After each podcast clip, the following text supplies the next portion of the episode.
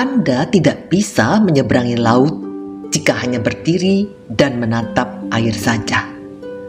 Satu Raja-Raja bab 22 ayat 48. Yosafat membuat kapal-kapal Tarsis untuk pergi ke Ofir mengambil emas. Tetapi kapal-kapal itu tidak jadi pergi ke sana. Sebab kapal-kapal itu pecah di Ezion Geber. Setiap orang punya mimpi. Mungkin kita sudah memilikinya sejak kecil. Ketahuilah, keinginan, cita-cita, dan ambisi adalah bagian dari kehidupan setiap orang.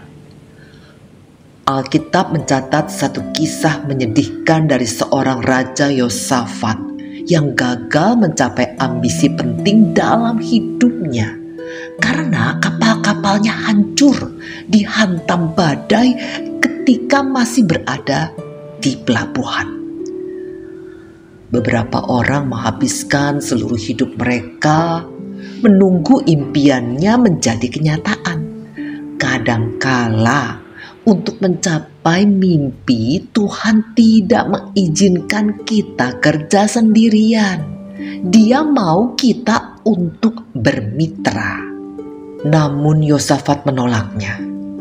Alhasil sampai matinya Yosafat, ia tidak pernah bisa mencapai mimpinya.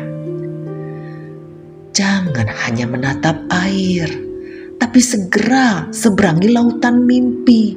Sekarang juga, jangan hanya membicarakannya, memimpikannya, dan merencanakannya.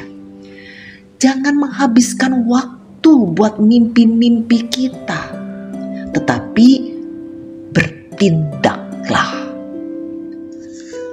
Tuhan tidak pernah menghalangi kita untuk menggapai mimpi dan cita-cita kita. Justru dia selalu mendukung, bahkan mendesak kita untuk segera memanfaatkan setiap kesempatan yang ada. Jangan tunggu laut tenang Setenang apa pun laut itu airnya tetap bergelombang.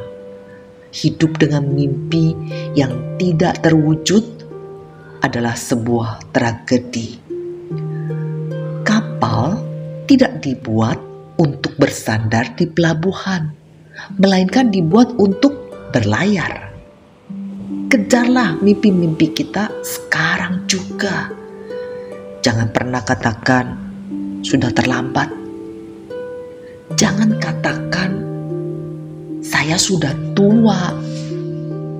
Jangan katakan, "Untuk apakah itu semua?"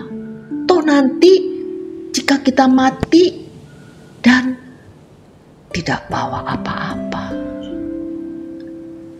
Jangan alihkan mimpi-mimpi kita dengan pandangan yang keliru.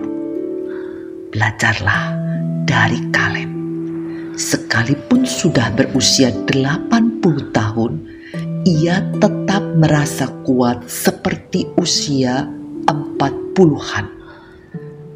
Jangan patahkan semangat dengan berbagai alasan. Jadi, sekarang jangan tunggu lagi. Just do it. Amin.